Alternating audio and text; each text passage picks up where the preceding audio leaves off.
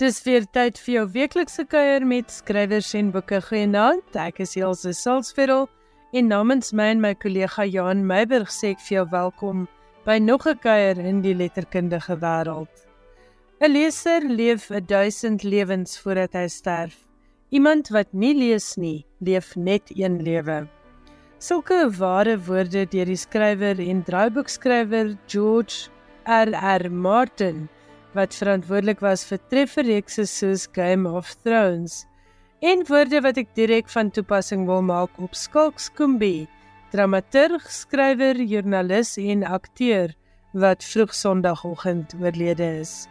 Ek was bevoorreg om Skalk redelik goed te ken en ek het ook vir 'n paar jaar saam met hom gewerk en ek weet hy kon homself behoorlik verloor in 'n goeie boek. Hier na die einde van elke jaar het hy gewoonlik 'n e-pos gestuur waarin hy sy lees- en rolprent hoogtepunte vir die jaar met vriende en kollegas gedeel het. En dit het altyd gewemel van interessante en uitsonderlike titels. Vanaand bring ek graag hulde aan Skalk met 'n onderhoud uit die argiewe. Johan Meiberg is ook ouer gewoonte hier met wetenswaardighede uit die internasionale boekewêreld. Hy gaan onder andere gesels oor nuwe reglemente vir die Pulitzerprys en ook oor twee vroue skrywers met Afrika bande wie se boeke op die langlys vir die Booker-prys verskyn. Hy vertel ook meer oor die skrywer en digter Michael Hondaatjie wat onlangs sy 80ste verjaarsdag gevier het. En dan gesels ek ook in die tweede deel van die program met joernalis en skrywer Elise Parker oor haar nuwe roman. Ek hoop jy geniet vanaand se program.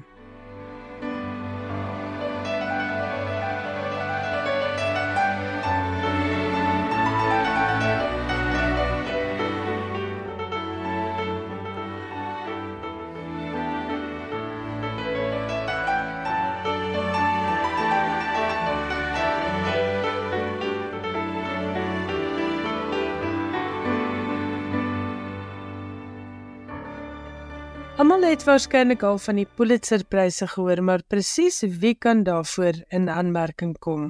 Hier is Johan Meiberg met meer inligting. Na heelwat openbare debat in die Amerikaanse media, het die raad wat die Pulitzerpryse beheer, verlede week besluit om die reglement van die pryse aan te pas sodat skrywers, dramaturge en komponiste wat nie Amerikaanse burgers is nie, ook in aanmerking kan kom vir die Pulitzerprys.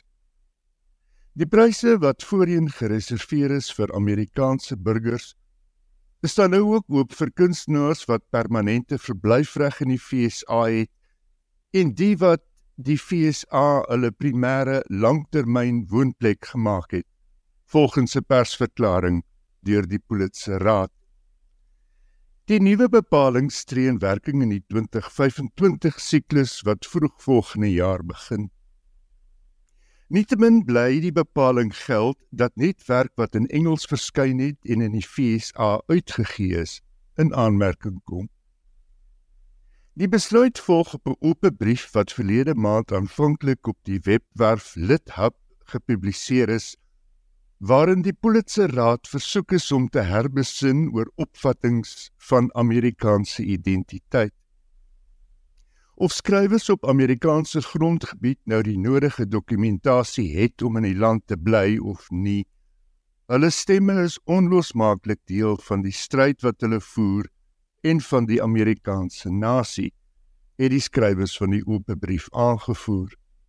Die digter Javier Zamora, gebore in San Salvador en wat die afgelope 19 jaar al in die FSA woon, was een van die ondertekenaars van die brief. As immigrant sonder die nodige dokumentasie het sy memoir Solito nie in aanmerking gekom vir die prys nie. Die Pulitzerprys het in 1917 tot stand gekom deur die toedoen van Joseph Pulitzer 'n Hongaarse immigrant wat sy fortuin in die koerantbedryf gemaak het en wat pryse in gedagte gehad het wat werk wat eie aan die FSA is, kan bekroon. Die pryse word jaarliks in 23 kategorieë toegekend. Baie dankie, Johan. Jy luister na skrywers en boeke, jou belangrikste bron oor Afrikaanse boeke. Ons gaan nou luister na 'n 2015 onderhoud uit die argiewe met Skalk Skoombie een van die veelsidigste skrywers en kunstenaars in Afrikaans. Hy het sy loopbaan begin as akteur, maar vinnig gevorder tot joernalis, later dramaturg en in die laaste paar jaar ook skrywer van 4 boeke. In hierdie onderhoud het ek en Skalk gesels oor sy eerste roman Boomkastele. Dit was benoem vir die ATKV Prosa Prys sowel as die Jan Rabie Rapportprys. Na Boomkastele het Skalk 'n speurroman getiteld Rooi Haring geskryf en dit was ook benoem vir die Jan Rabie Rapportprys. Hy het ook 'n nuwe fiksieboek geskryf oor mans wat hulle vroue vermoor en die titel was Tot die dood ons skei. Dis opgevolg met 'n kort verhaalbundel Die nagryk na spoed. Maar kom ons gaan luister waar het Skalk Skoombie se liefde vir lees en stories begin.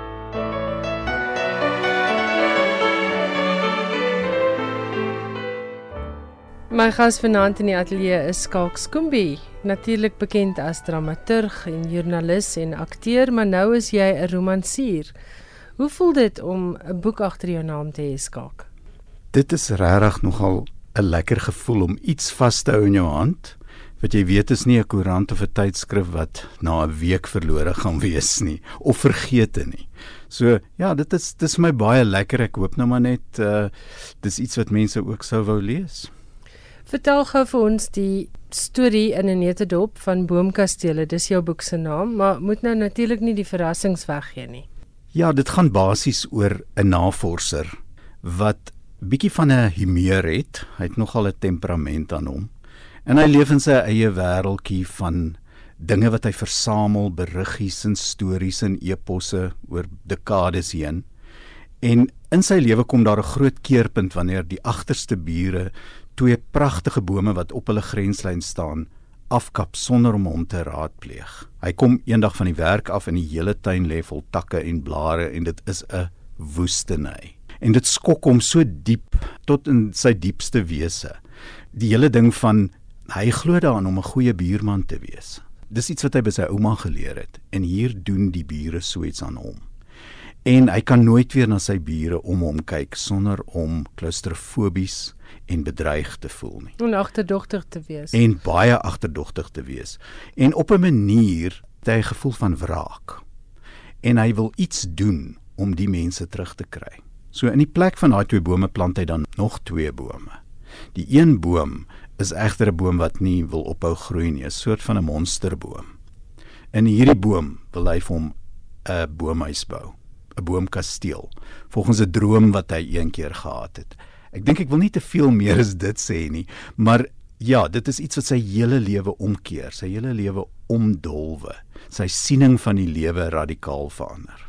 En parallel met die navorser se storie loop daar 'n tweede storie. Dis reg. Die ja. van 'n joernalis, 'n misdaadjoernalis in Johannesburg. Hierdie vrou, sy's 'n jong misdaadjoernalis. Sy werk vir 'n dagkoerant en wat sy teen die mure van uh, die stad sien, is graffiti. Pragtige graffiti deur 'n geheimsinnige man. Dit is die Vitruvius man die man in die sirkel wat so oopgespalk is. En vir haar is dit so half 'n simbool van skoonheid te midde van baie misdaad en aakligheid en lelikheid. En dit fascineer haar. Sy wil probeer uitvind wie is hierdie man wat hoog teen geboue en teen allerlei onbewaakte mure hierdie kunswerk aanbring. En dit lei haar lewe weer op 'n baie interessante pad. Nou daar is 'n 'n um, koneksie tussen die twee verhale wat ek nou nie heeltemal ja, nee, nee, jy moet dit nie weggee nie. Maar uiteindelik kom die twee stories uh, bymekaar uit. Jou joernalis se wêreld, jy skets dit baie akkuraat. Uiteraard omdat jy jou lewe lank al met die woord te doen het en jy was vir baie jare by die dagblad Beeld betrokke. Hoe het dit gebeur dat jy journalistiek gekies het want jy is eintlik 'n opgeleide akteur? Wel, ek dink skryf was nog altyd vir my belangrik geweest. Ek het van klein dae af het ek strokiesprente geteken en ja, seker maar die opstel ding gedoen op skool. En uh, toe het ek gedink ek sal miskien dit geniet om 'n akteur te wees. Ek het drama studeer by Tikkies en ek het 'n tyd lank vir die streekrade gewerk en so aan. Maar geleidelik het ek meer begin skryf. Ek het ook vir die verhoog geskryf en so aan en wat gebeur het was Tuis Odendaal, die kunsredakteur van Beeld het eendag met my 'n onderhoud kom doen. En ons het aan die praat geraak oor skryf. En ek het vir hom gesê ja, ek geniet dit om te skryf en ek geniet rolprente om daaroor te dink en te formuleer en te skryf en so. En 6 maande na die onderhoud Toe bel hy my en sê vir my daar is 'n posisie oop by Beeld nadat Andrea Vinassa hulle fliekresensent skielik weg is. En sou ek nie belangstel om dit vir 'n tydjie te doen nie.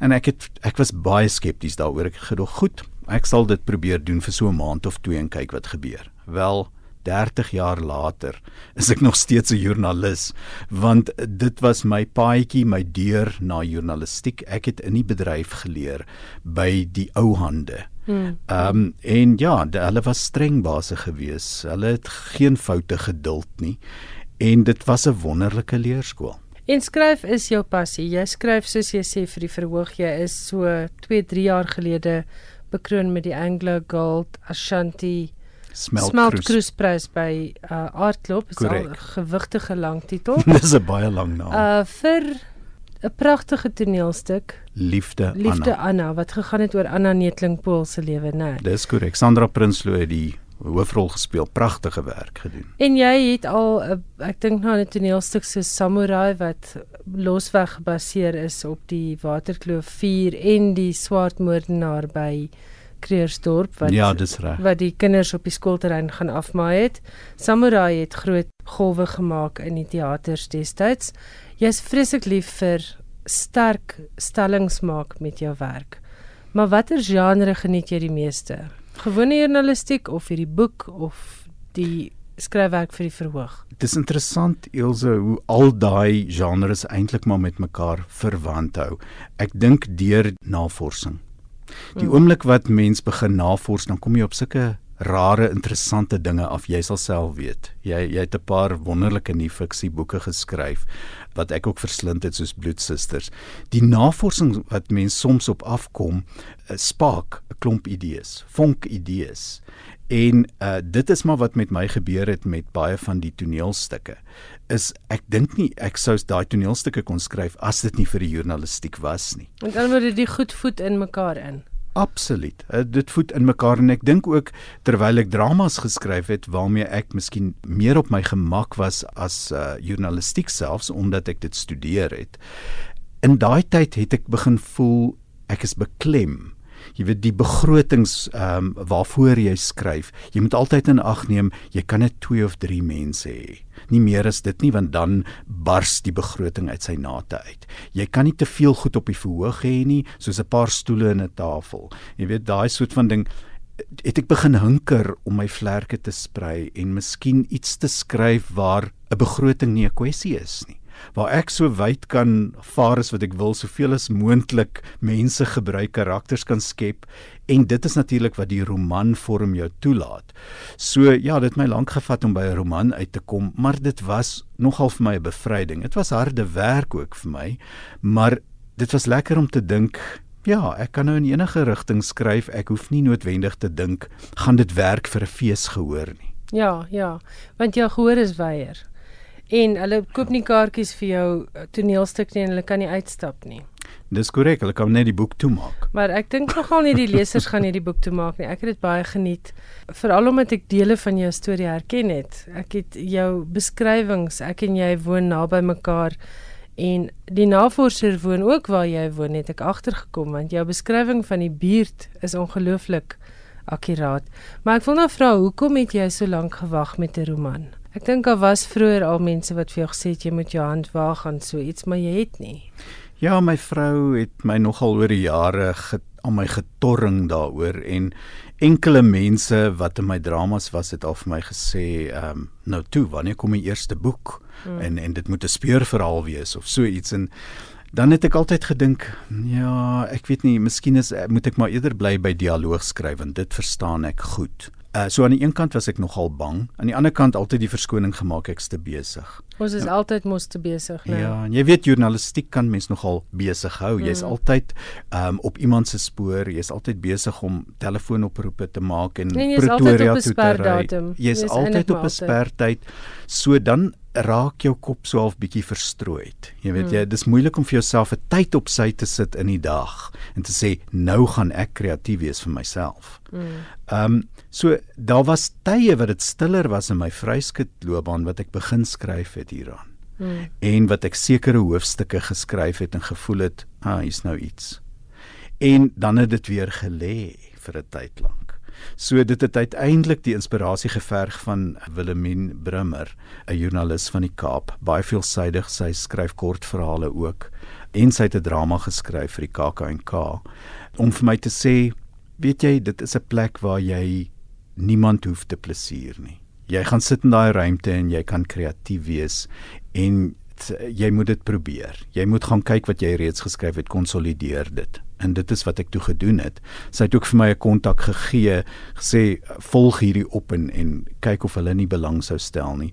En dit was die soort van skop onder my alie wat ek nodig gehad het. Toe kon ek regtig gedissiplineerd begin werk. Dit was so 2 en 'n half jaar gelede wat ek toe nou gaan sit het en gekyk het wat het ek en ja, doelgerig begin werk het. Dis 'n boek wat op 'n eerste vlak baie lekker lees, sommer net as 'n gewone storie. So 'n bietjie van 'n sprokies element met die boomkasteel tema, die boomhuis waarvan hy droom en hierdie monsterboom. En dan is daar baie diepere temas in die boek. Kan ons 'n bietjie gesels oor die dieper temas? Wat wou jy sê? Ek het temas raak gelees soos buurmanskap en dat ons nie werklik weet wat agter ander mense se geslote voordeure aangaan nie dat ons dink ons weet maar ons weet nie. En daar's verhoudings in hierdie boek pa en dogter en kollegas en daar's 'n buitestander. Die navorser is vir my 'n beslisse buitestander figuur. Inderdaad. En hy hoef nie te wees nie maar hy het homself in daai hoekie ingeverf deur sy ingedink. gedrag en ja. ingedink. Ja Wat wou jy sê met boomkastele? Ek dink jy is korrek as jy sê dat medemenslikheid is uh, die oorkoepelende idee in die boek. Die feit dat mens bedreig kan voel deur almal wat eintlik naby aan jou is, jou bure en jou geliefdes. En as mens dit verder trek, dan dan is dit 'n kwessie van hoe leef ons teenoor ons buurlande? Hoe leef ons teenoor uh vreemdelinge? Wat in jou eie land is soos ons nou gesien het met die vreemdelinge haat situasie in Suid-Afrika. Ehm um, dit is op so 'n basiese vlak waar dit begin. Ons ken nie meer ons bure soos wat ons voorsate hulle geken het nie want ons sit agter hoë mure. Ons sê miskien nou en dan hallo vir hulle, maar ons kuier nie meer by hulle nie. Ons gaan leen nie meer die koppie suiker ja. by hulle nie. En, en ons gaan nie weet as 'n tragedie reg onder ons neuse gebeur nie. Dis reg, ja. Wat eintlik een van die temas in jou boek is. Dit is een van die goed. Daar's klein en groot krisisse aan die gang om hom waarvan hy salig onbewus is want hy leef in 'n fantasie wat hy self mm. gebou het en dis 'n wraakfantasie. Mm. So dit sou ek sê is die donker ondertoon van die boek. Iets wat vir myself belangrik is is hoe ons saam met die natuur leef in die voorstede.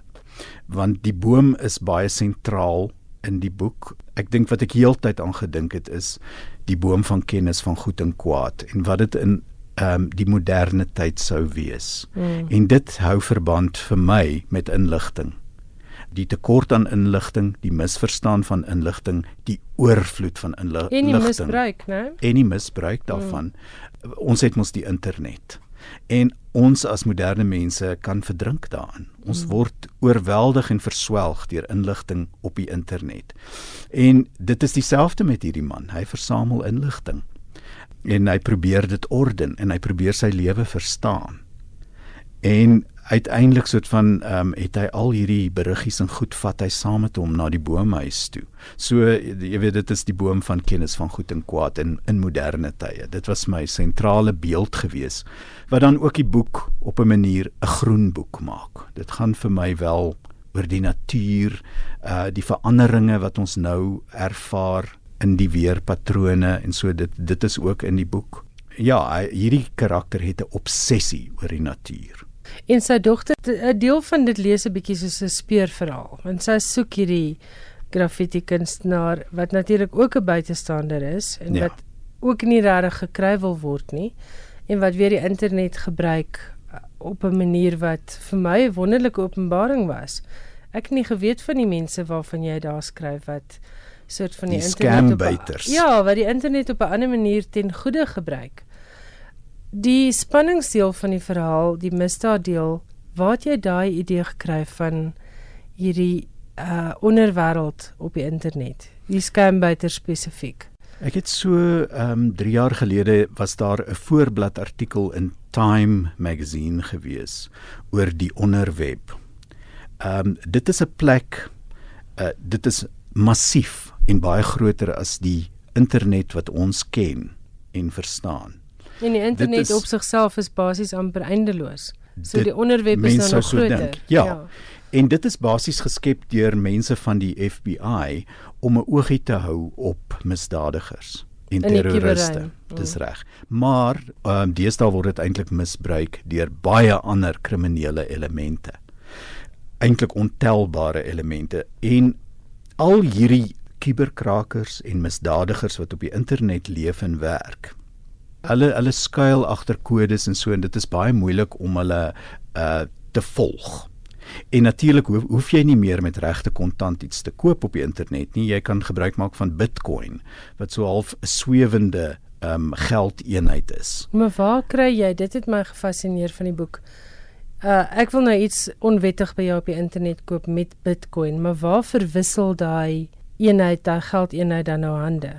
Jy sien dit is dit kan op verskillende maniere kan dit verwissel word. Ek is self nie presies seker hoe mens Bitcoin gebruik nie, behalwe dat ek weet baie mense gebruik dit wel. Met ander woorde geen geld verwisselhande vir enigiets van 'n kernbom tot 'n uh, 'n slaaf letterlik, want daar ja. is mensehandel en goed ook op hierdie onderwerp aan die gang. Jy kan absoluut enigiets koop op die internet. Ehm um, die mees gruwelike goeders. Jy weet jy kan babas koop, jy kan uh, renosterhorings koop. En uh, dit natuurlik dit voed weer eens in by die ding van die kennis van goed en kwaad. As die internet gaan oor 'n gratis platform vir inligting, maar dit gaan ook oor 'n plek waar jy kan leer om op verskeie maniere selfmoord te pleeg of gif te brou of 'n bom te maak, dan is dit mos die donker kennis ook. Dis nie meer 'n ja. goeie plek ja. nie. Dis iets waar tieners ehm um, gewerf word vir ISIS ja. byvoorbeeld. So ja, dit was my 'n uh, interessante skadukant vir dit waarmee die navorser besig is, want hy stel daarin belang in positiewe dinge, ja, in ja. in skoonheid en opbouende goed. Ja, en letterlik op 'n letterlike vlak, die boom is baie groot en sigbaar en bo die grond Dis en hierdie donker kant waarvan jy nou praat is eintlik vir die meeste van ons genadiglik onsigbaar. Ons kan rustig aangaan met ons lewens. Ons gaan dit nie eers weet nie. Ja, en, en dit word weerspieël in die boek ehm um, deur twee kastele. Die een kasteel word in 'n boom gebou, die ander kasteel is ondergronds gebou in 'n murasie in in Hielbrau. Ek wil nie te veel nee, sê daaroor nie. Nee, nee. Maar dit is die twee kante van daai inligting situasie. En ek wil vir luisteraars sê hierdie klink nou na baie diep en donker temas, maar lees die boek want dit is 'n verskriklike lekker lees. As jy lief is vir Johannesburg, gaan jy ook baie dele van die stad herken in die boek. Die joernalis en haar soek tog sorg vir genoeg spanning om dit te laat kwalifiseer op een vlak as 'n spanningsroman en dan die ander temas maak van dit 'n baie letterkundige boek ook.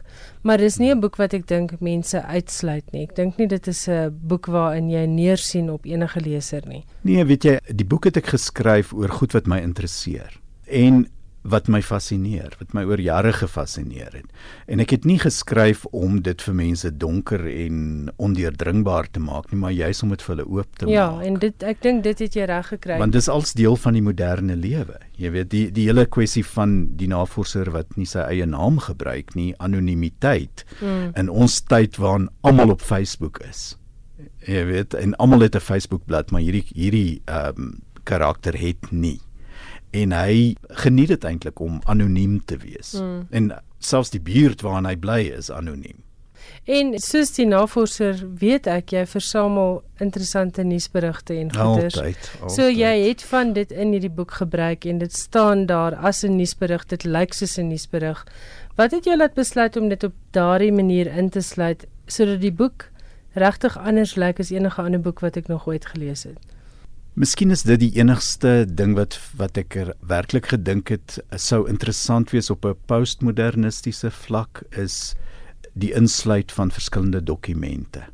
Jy weet ek het leers vol stories wat ek versamel het as joernalis wat ek gedink het hierdie is dalk eers 'n leefstyl storie werd of 'n tydsgees storie werd en dan het ek dit nooit gebruik nie. So ek het deur daai goed gegaan en gedink, miskien kan ek iets hiervan gebruik want baie daarvan is net so fantasties. Jy kan nie dink dat hierdie stories is werklik waar nie. Dit is weer eens die kwessie van dat die werklikheid troef fiksie. Altyd. Enige Mm, dag. mm. En ek wou net iets daarvan weergee. Want dit is ook 'n boek oor stories en liegstories en uh scambuiters wat stories uitdink om mense om die bos te lei om hulle geld te steel en so En dan mense wat ander stories vertel om die om die weer uit uit te vang. te lok. Ja. Dis reg. Kom ons sluit die onderhoud af met jou storie oor die stories wat jy as 4-jarige opgemaak het vir jou kleuterskoolmaatjies. Want ek dink dis waar jy besef het jy is 'n storieverteller Ja. of waar jy besef het jy het 'n slag met stories. Ja, nee, sonder twyfel kon ek nogal vlot lieg as 'n kind.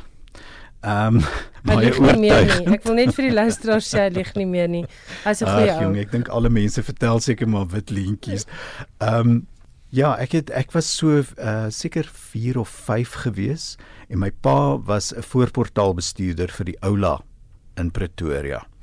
En hy het ons dikwels geneem na pragtige produksies, operas en ballette en toneelstukke en so aan en dis waar my liefde vir die teater vandaan kom.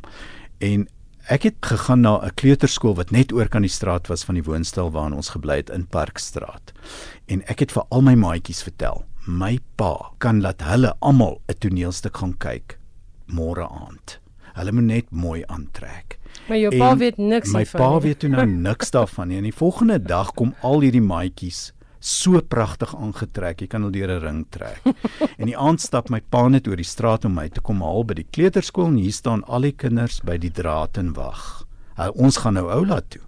En ek sê vir my pa, pa, hierdie kinders wil almal saam met ons gaan na die oula toe. Ons gaan mos nou iets moois kyk my pa skud net sy kop, vat my hand en stap met my oor die straat. En ek sal daai gesiggies tot vandag toe nie vergeet wat my agterna gekyk het. Want Absolute daar niks daarvan. Ja, en hoe kwaad moes daai ouers gewees het wat daai kinders aangetrek het en gedink het dis 'n treat vir die kinders. Is jy die volgende dag terug na dieselfde kleuterskool? Weet jy, dit is waar my geheue heeltemal ophou. Ek onthou niks verder nie. Miskien maar beter so. Luisteraars, dit was Skalk Skoombie, skrywer van Boomkastele. Skalk, baie dankie dat jy hier kom gesels het. Baie dankie Ilse, ek waardeer dit.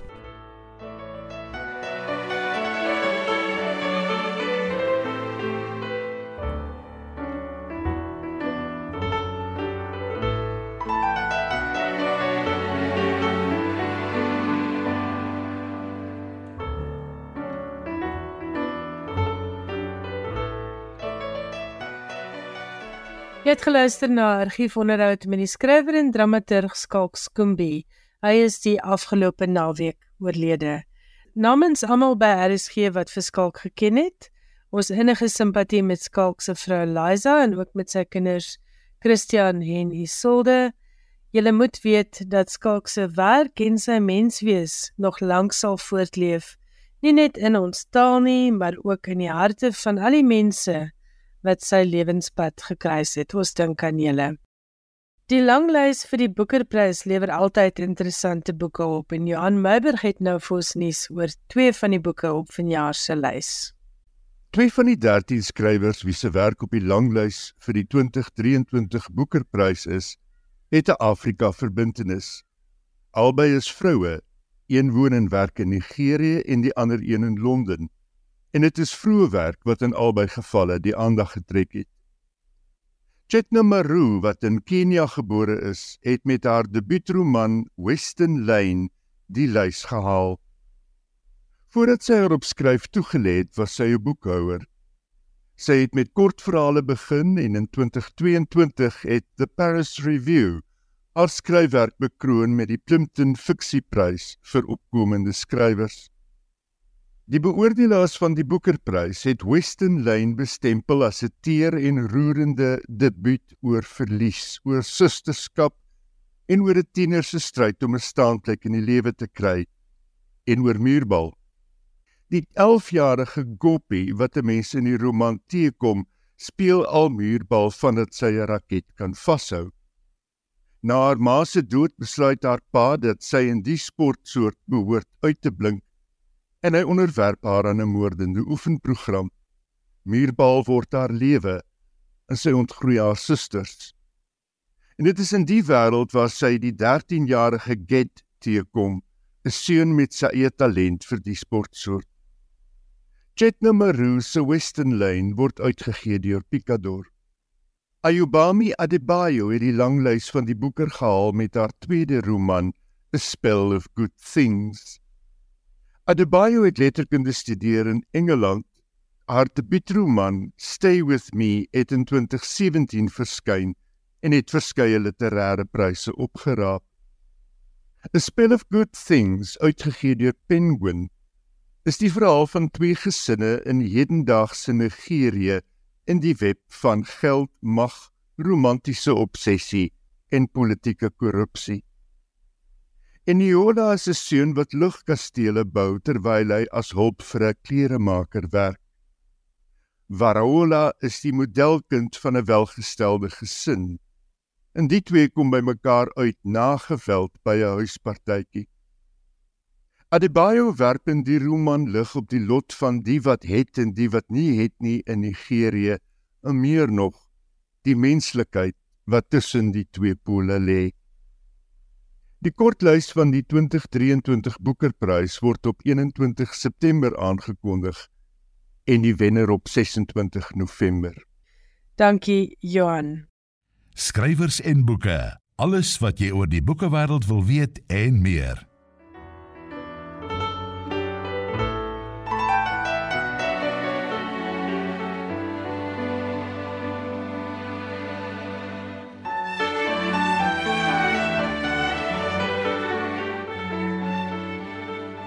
Vanaand het ek 'n oud radio-omroeper, skrywer en joernalis by my hier in Skrywers en Boeke. Elise Parker, goeienaand, baie welkom. Naand Ilse en dankie vir die uitnodiging. Ek dink baie luisteraars ken jou naam. Ehm um, dit kan wees van tydskrif daar af. Ek weet ek en jy was saam by Leeftydskrif. Dan is daar die baie koerantwerk wat jy gedoen het vir alle publikasies groot en klein. Maar vanaand praat ons oor jou ander groot passie en dit is boeke. Ons praat oor jou 45ste titel. Dit is regtig merkwaardig. Maar kom ons praat net gou oor die begin. Het jy altyd geweet jy wil skryf? O, oh, beslis. Sy 1981 hierso by Sunnyside by die swembad het ek my eerste verhaal op 'n sari geskryf. Ek sal dit nooit vergeet nie. Ek was lekker warm in die son en ek skryf daaroor hierdie meisie. Maar dit so geniet om te sonbaai en die verhaal is aanvaar in November 1981 Ja, en daar het die gogga gebyt en seerdien het ek toe nou seker so vir so 12, 13 jaar nooit gedink aan boeke nie, want jy weet mos eers by ons in Afrikaans is die beste manier om jou tande te sny, beskryf bly maar tydskrifjournalistiek, waar mens al hierdie verhale nog kan publiseer. Maar ja, so 1994 se kant Toe is ek nou raak gesien deur die mense wat besluit het ons moet dalk in Afrikaans 'n paar grense verskuif met die liefdesverhale en ja, so kan jy miskien onthou van die smeelwarm tyd toe ons begin het met ons destyds genoem het die hygromans. Het ja, hulle het my genader om my eerste boek te skryf. So ja, as dit nie daarvoor was nie, wonder ek dikwels sou ek ooit aan die boek skryf gekom het of sou ek maar aangehou het met tydskrifverhale. Dit was 'n baie lekker en 'n veilige desie vir my om werklik waar te leer wat wil lesers hê en waarin stel hulle belang. As ek reg onthou, het jy die term hygroman uitgedink. Ek vermoed is dit was Kerniels Breitenberg gewees. Dit was dit wow, ons kon nog nooit daai oorsprong nagespeur het nie. Goed, goed. So ons moet vir Kerniels blameer. Ek sal met ja. woordjie hê later. Maar kom ons praat nou oor die boeke wat sedertdien verskyn het. Hoeveel van dit was liefdesromans en ek weet jy het 'n hele klompie Christelike romans geskryf. Wat het jy geskryf oor die jare? Weet jy Ilse vir my die belangrikste en die grootste deel van hierdie boeke is 28 dagstukkie boeke in Engels en Afrikaans wat ek gepubliseer het. Dan het ek 'n hele klompie geskenkboeke geskryf, lekker boeke wat oor Kersfees kan verkoop, wat mooi boeke was met sterk temas en sterk waardes. Maar jy weet daai lekker boek wat jy vir iemand gee dat jy voorin kan skryf. En dan het ek um ses gebeureboeke ook geskryf. Die liefdesverhale was 'n hele klompie gewees. Daar was van hulle wat 'n bietjie smeelwarm was was. Maar ja, toe ek nou eers begin het met die Christelike fiksie, was dit 'n fokus vir my gewees. Elsop van toe ek iets baie lekkers begin doen. ek het begin op trilogieë te skryf, die groter stories wat jy nie in een boek kan inkry nie. Ja, toe ek begin en dit was toe nou vir my 'n nuwe gogga wat gebyt het en dis waarop ek toe nou gekonsentreer het. Um die Laafveld reeks, die boek wat ons nou gaan bespreek, is my derde trilogie.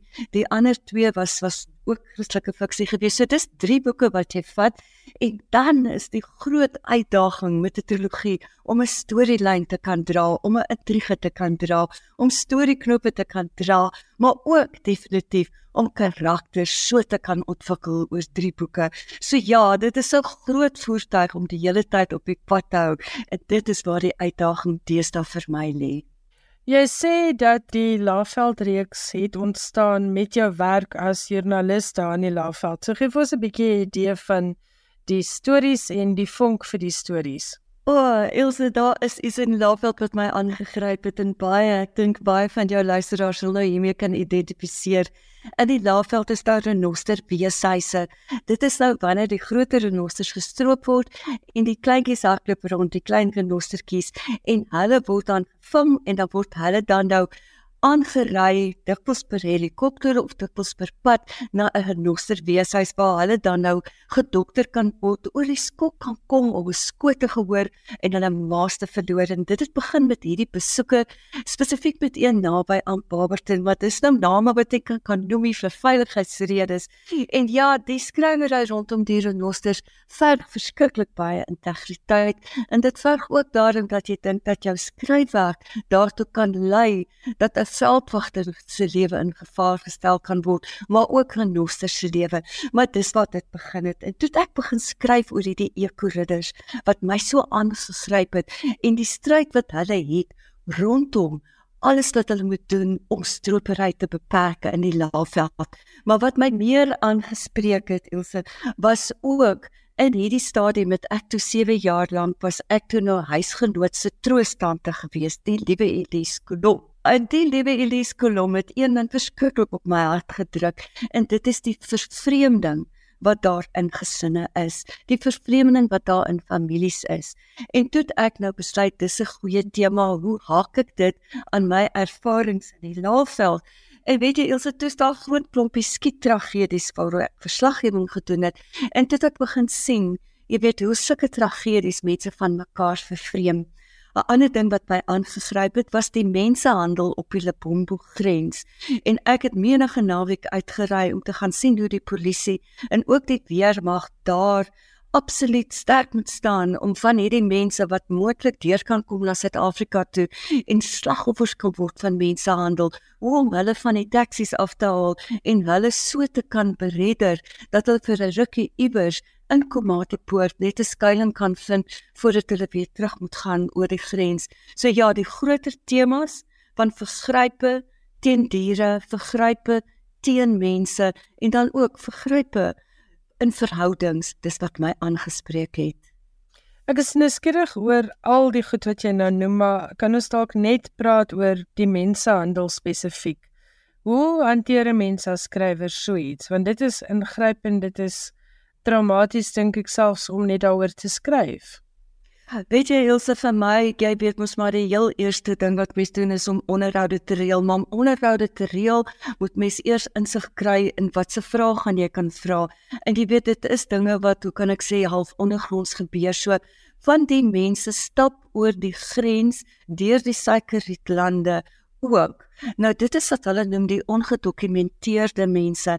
Dit is ook mense wat baie maklik slagoffers kan word van mensehandel, maar daar is van hierdie mense smouse wat hulle inwag in Komatipoort om hulle rand toe aan te ry. Nou van hierdie mense is dan ook mense wat kom uit Thailand uit wat dan deur Mosambiek kom en dan deur daai grense kom en dikwels dan nou gebruik word in naalsalonne en wat ook gebruik word in spas. En ja, dis 'n gevaarlike plek in die Laagveld en naalsalon. Dit klink jy so nie, maar ja, dis waar ek toe nou begin het om te gaan kyk wat gebeur in die naalsalon. En weet jy, Elsa, toe kry ek nou die skakel tussen die naalsalonne, die mensehandel en die renosterstropery en toe ek nou begin om die mense letterlik te begin agtervolg te gaan kyk hoe loop hierdie paadjie van die Lebombo grens af. En toe by die weermag aangeklop vir die weermag gesê mense wat moet sorg dat van hierdie mense wat die grens oorkom dat hulle van die taksies afgehaal word as daar die smouse is dat hulle hof toe gaan. So ja toe ek nou met die weermag begin skakel om te kyk hoe werk hulle en presies hoe wonderlik die werk is wat hulle daar doen Ilse dat ek gesien het as hulle daai vroue en daai kinders van daai taksies afval hulle met hulle eie geld gaan en vir hulle brood en koeldrank gaan koop vir daai dag of wat wat hulle moet wag voordat hulle weer oor die grens moet gaan dat daar net iets te eet en iets te drinke is. Ek het ook gewerk met mense in die Laagveld wat in die mensehandel skuil gesê het en toe nou vir my een karakter wat 'n sendeling is wat kom uit Thailand uit het sy 'n skuilhuis toe ook daar begin. So daar's wonderlike werk Elsa wat gedoen word. Maar ja, dat 'n joernalis begin het maar met daai onderhoud, maar ook om te gaan sit en te kyk wat gebeur hier voor jou oë. Maar 'n ding wat 'n groot rol speel in hierdie trilogie van jou is die omgewing. Ek weet jy was ook al betrokke by organisasies wat hulle beywer vir die red van diere die omgewing, die ekosisteme, byvoorbeeld steenkoolmyne en die skade wat dit aan die omgewing aanrig as dit nie reg gedoen word nie. Hierdie goed lê jou ook alles na in die hart en jy het dit ook ingebring by hierdie trilogie. Wanneer Skadebees Kantel is die tweede boek in die Laveld reeks Ilse en daad ek spesifiek begin skryf oor 'n ervaring wat ek gehad het in 2017 toe ek weer blootgestel was aan presies wat gebeur in Mosambiek gedurende orkaan daar orkaan Tanayo en iets wat my toe nou gefassineer het in die rondsittery daar op die grens by Komotipoort het ek gesien daar's veel meer mense wat nou oorstroom oor die grens die klimaatvlugtelinge. En dit het vir my 'n gevoel gegee van totale ontheemding want dit was nou weer mense wat so maklik slagoffers kon word van mensehandel. En toe het ek begin net navorsing doen oor wat gebeur in die reddingskampe na sulke groot rampe. Ek bedoel ons het destyds ook gehoor van Hawaii en na al die al die moeilikheid wat daar was met groot orkane wat ook in daai reddingskampe gebeur wat ook vergrype is. Die mense is al reeds ontredderd gelaat om weg te kom van hulle huise af en dan dikwels in hierdie reddingskampe dan word dit so 'n tipe van so 'n plek waar um, mense smouse in beweeg en hierdie mense op maniere omkoop met kos of wat ook al. So dit het my aangegryp en ek het daaroor toe begin skryf. So in wanneer Skaribie skantel gaan dan ook oor die werk wat ek gedoen het um juist toe ek nou gewerk het vir 'n organisasie wat baie werk oor klimaatsverandering. Wat ek agtergekom het van die navorsing sê ook met klimaatsverandering is die aarde se as besig om so 'n bietjie te kantel. Ja, Elsa kan dit glo. Dit is nou natuurlik oor eeue. Maar as gevolg daarvan verander my en jou skade weer. Die skade weer wat ons kan gooi. Maar die skade weer gaan dan ook oor die vergrype.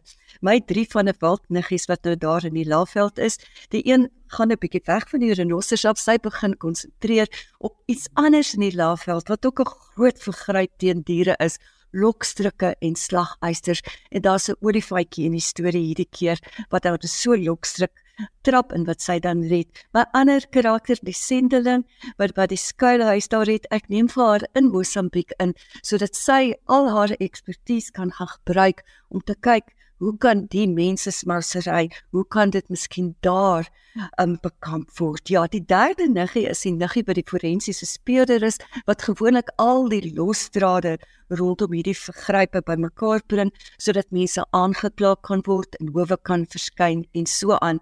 Maar ja, jy's heeltemal reg. Die Laagveld die oomblik en by ons ook hier in Pretoria op die oomblik is blootgestel aan Suid-Afrika se steenkoolmafia en daar kom ook by my dan in hierdie storielyn in die groot geveg wat daar was waaroor ek verslaggewing gedoen het om te keer dat daar 'n steenkoolmyn op die grens van die Kreurwildtuin kom. Ja, en dis alles goed wat ons meer van behoort te weet. So dis wonderlik dat mense dit nou as fiksie kan lees Geen net vinnig vir ons weer die drie titels in hierdie trilogie. Die eerste in die Laagveld reeks is natuurlik 'n Stilvloei die Komati omdat alles rondom Komati poort en die Komati rivier gebeur. Die tweede titel is Wanneer Skaduwees kantel en dan ja, op die oomblik is ek besig hierse met die derde titel en die werkstitel op die oomblik is Voor die koraalbome blom. En nou moet ek vir jou sê, Ilse, daai boek gaan ek vinnig skryf want hier in Pretoria staan elke koraalboom in die blom. Dit is rooi voordat ons persseisoen aanbreek en elke keer as ek by eet verbyry, dan dink ek, ooh, jy's 'n herinnering aan my sperdatum. So wanneer kan ons daardie boek op die rakke sien? Ek vermoed hy sal volgende jaar September wees. Daar's 'n bietjie meer navorsing wat ek nog 'n bietjie daar moet ook doen, spesifiek rondom die steenkool mafia. So ja, ek wil nou so 'n paar keer daar rondom Witbank gaan sien. Elsje, daar's baie dinge rondom die steenkool mafia en die ontplooiing van daai storie rondom Eskom en dan nou wat werklik gebeur in terme van fluitjieblassers en so aan. So ja, daar's 'n bietjie navorsing vir my en 'n bietjie sit in die kar en kyk wat gaan aan by van die steenkooltrokke wat heen en weer ry en ook die steenkoolhoope wat langs die pad gelos word vir van die gemeenskappe om daar vir 'n steenkool te optel van die barmhartige Samaritane wat nou wel van die steenkool wat gesmokkel word daar langs die pad los. So ja, ek het nog so 'n bietjie sit langs die pad soos met die ander twee boeke. Dit het ek ook nog nodig. So dit is heerlike boeke, die eerste twee in hierdie trilogie wat luisteraars so lank kan nader trek en dan sien ons uit na boek nommer 3 volgende jaar. Ek het gesels met Elise Parker en haar twee boeke se name is Stilvloei die Komati en Wanneer Skaduwees Kantel en dit word uitgegee deur Luka. Jy luister na skrywers en boeke op RSG. Die laaste paar minute van skrywers en boeke behoort ouer gewoonte aan Johan Meiburg en hy gaan nou vir ons meer vertel oor die werk van Michael Ondaatjie. Daarna kan jy ook luister hoe Ondaatjie een van sy eie gedigte voorlees. Die Sri Lankaans gebore Kanadese skrywer en digter Michael Ondaatjie het op 12 September 80 geword. Hy was 19 toe hy hom in 1962 in Montreal in Kanada gaan vestig het. Sy skrywersloopbaan het in 1967 begin met die verskyning van The Dainty Monsters, sy debuutbundel. In 1970 het hy die bundel opgevolg met The Collected Works of Billy the Kid, wat bekroon is met die gouverneur-generaalprys. Sy eerste roman, Coming Through Slaughter, het in 1976 verskyn en 2 jaar later het In the Skin of a Lion gevolg. Dit was egter met sy derde roman waarmee hy die verbeelding van duisende lesers aangegryp het. The English Patient van 1992 het nie net daardie jaar die Booker-prys verower nie, maar omdaitjie is in 2018 met die viering van die 50ste bestaanjaar van die Booker-prys uit die 51 wenners van die prys bekroon met die Goue Booker The English Patient is ook in 1996 met groot welslae verfilm. Daarna het gevolg Anil's Ghost in 2000, Divisadero in 2007 en The Cat Stable in 2011. Sy jongste boek, Warlight van 2018, was daardie jaar op die langlys van die Booker-prys. In 1989 het die bundel The Cinnamon Peeler Selected Poems verskyn. Hier lees ondaitjie die gedig The Cinnamon Peeler, 'n gedig oor liefde, maar ewe so 'n gedig oor skryf. If I were a cinnamon peeler, I would ride your bed and leave the yellow bark dust on your pillow. Your breasts and shoulders would reek. You could never walk through markets without the profession of my fingers floating over you. The blind would stumble, certain of whom they approached, though you might bathe under rain gutters monsoon. Here on the upper thigh, at this smooth pasture, neighbor to your hair, or the crease that cuts your back, this ankle, you will be known among strangers as a cinnamon peeler's wife I could hardly glance at you before marriage, never touch you, your keen nosed mother, your rough brothers. I buried my hands in saffron, disguised them over smoking tar, helped the honey gatherers. When we swam once, I touched you in water, and our bodies remain free. You could hold me and be blind of smell. You climbed the bank and said, This is how you touch other women the grass cutter's wife, the lime burner's daughter. And you searched your arms for the missing perfume and knew what good is it to be the lime burner's daughter, left with no trace, as if not spoken to in the act of love, as if wounded without the pleasure of a scar. You touched your belly to my hands in the dry air and said, I am the cinnamon peeler's wife. Smell me.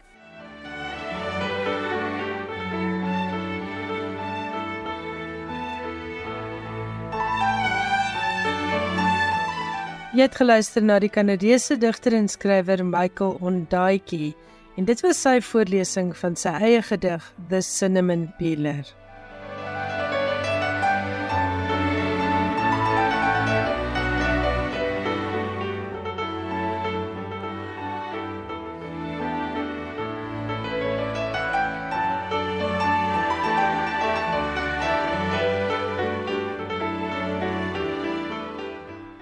Daarmee dit tyd geword om te groet. Volgende Woensdag aand gesels ek met die tweemalige Hertsgpryswenner Essie Nodie en ons gaan praat oor sy nuwe roman van vaders en vlugtelinge.